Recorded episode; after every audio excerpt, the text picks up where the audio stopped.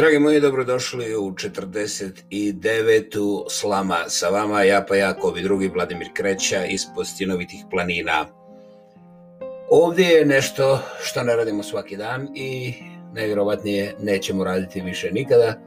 Naime, ovo je danas posvećeno članku koji sam objavio onako, kako bi se reklo, iz zaleta bez, bez e, e, ikakvog razmišljenja što mi je drago da sam uspio i dan je bio decembar 10.20.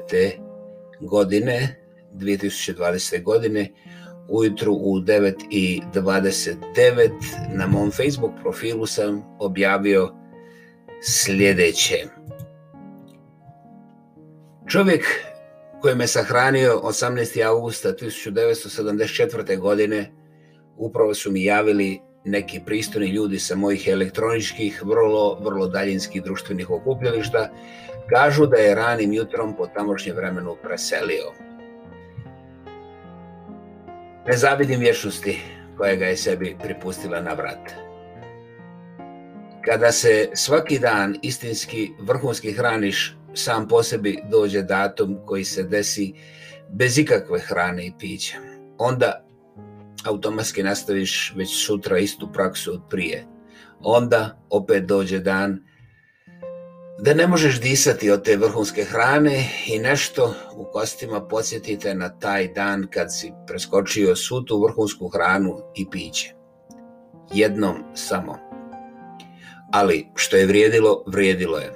Opet nekada davno, jedan pijani mladić je povukao pištolj na mene, repetirao iznad moje glave, spavao sam u tom momentu i, i onda se desilo možda nekoliko stotinki. Nikada nisam uspio rekonstruirati tih nekoliko stotinki, ali baš tih, od baš tih nekoliko stotinki i mislim ili prodam i danas. Posebno sam istinski ponosan što Mojom akcijom krvi nije bilo. Onda su došle demokratske promjene. Rat je još bio u zraku. Proputao sam kroz njegov grad i poslije ručka u obježnjoj kafani svratio da ga vidim. Odmah mi je ispalio. Ti znaš gdje bi sada trebao biti. Nisam reagirao jer sam bio zatečen, a on brz. Ili odmah, ako mi takav dođeš opet na vrat, ti znaš kako ja nikad nisam potegao karabin da promašim. Bilo mi je danje jasno da nisam pozvan na kafu. Ni ovdje krvi nije bilo, nikakve. Derani iz ove životne sličice zgode su svaki na svoj odvojeni način bili bez krvi, a ako je neka kap ipak kolala okolo, onda je to bila najledenija krv koju je stvoritelj davno zaboravio. Moje emocije su vjerovatno pobjegle od mene, pa čak i iz mojih kostiju. Evo, 31 godinu kasnije, ja svaki dan nemušto dišem samo raspravu da ako sam sahranjen 18. augusta 1974. imam li ja ikakvo zdravorazumsko pravo postaviti tamo nekakva pitanja i kopati po magnovenju svakodnevne egzistencije oko nekakvih emocija. Čak i mojih, ako ih je ikad bilo.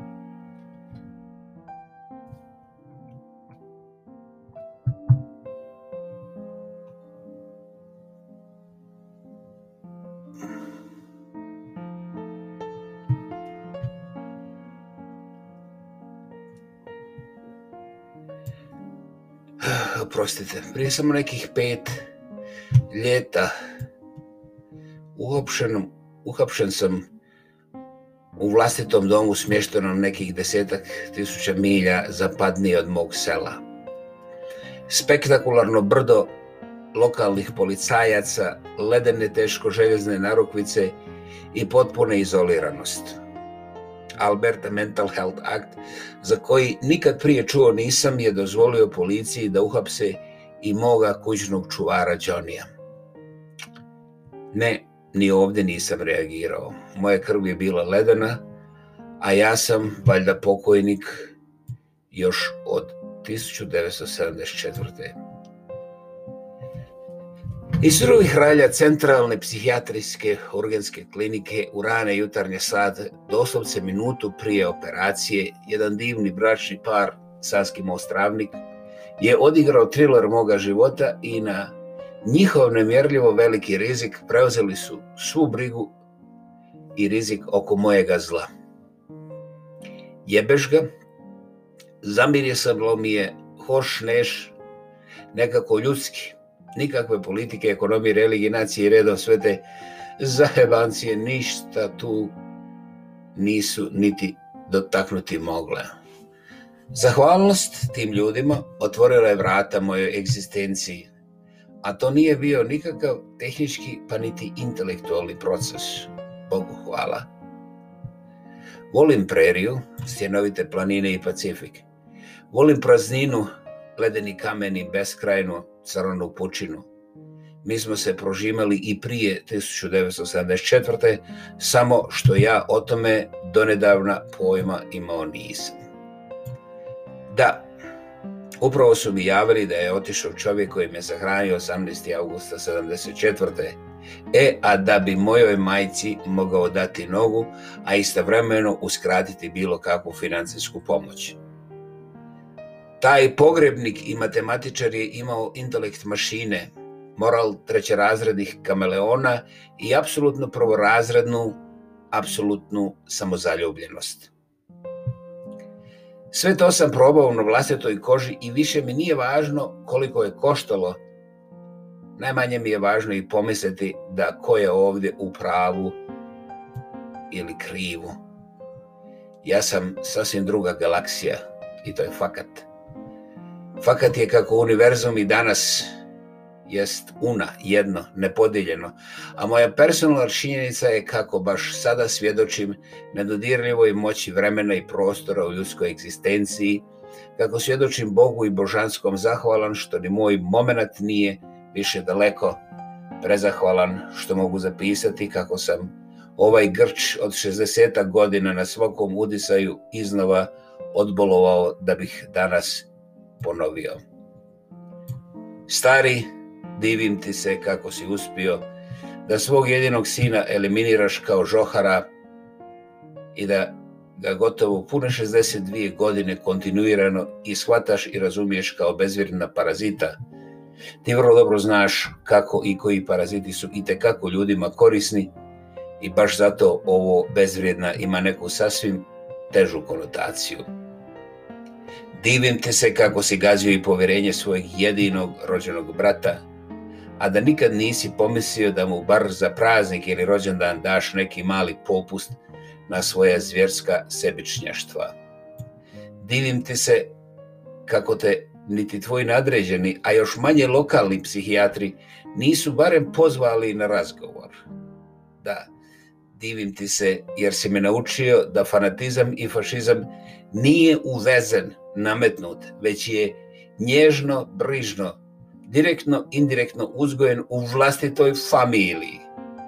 A prije stignu nekakvi konc logor, kampovi za javnost, bezbrojne i sasvim bezimene, nijeme žrtve su nastavile da padaju kosnoplje u augustu. Divim ti se, jer ti na moje slovo, riječ mi nikad ni dozvolio nisi, prdno ne bi. Hvala ti jer ja govorim unatoč gađenjima, odbijanjima i diskvalifikacijama. Hvala ti jer ja govorim unatoč gađenjima, odbijanjima i diskvalifikacijama. Bez rata i mržnje. Ja mislim, govorim i pišem na svoje dvije noge i to iz barem sedmog sela. Egzistiram sa svim frustracijama, frustracijama svijeta oko se, sebe nepomjerljiv u svojem vjerovanju kako, mi je, kako nam je baš ljubav najveća snaga i svetinja, a oprost najmoćnija alatka, najširi most preko sumnje do ljubavi. Evo me, javno i glasno podvijam rep ponosan i na tebe baš si me ti naučio o korisnim parazitima. A ja sam cijelog života nastojao naučiti i osjetiti i učiniti oprost. Moj ograničeni tehnički svijet predugo nije mogao iz svoje matematike, svojega zigota racionalnosti i svoje logike. Danas smo se ja i moj oprost sreli u miru i istinskoj spoznaji. Sve ti je se mog srca oprošteno. Hvala ti. Hvala Bogu da ovako i javno mogu.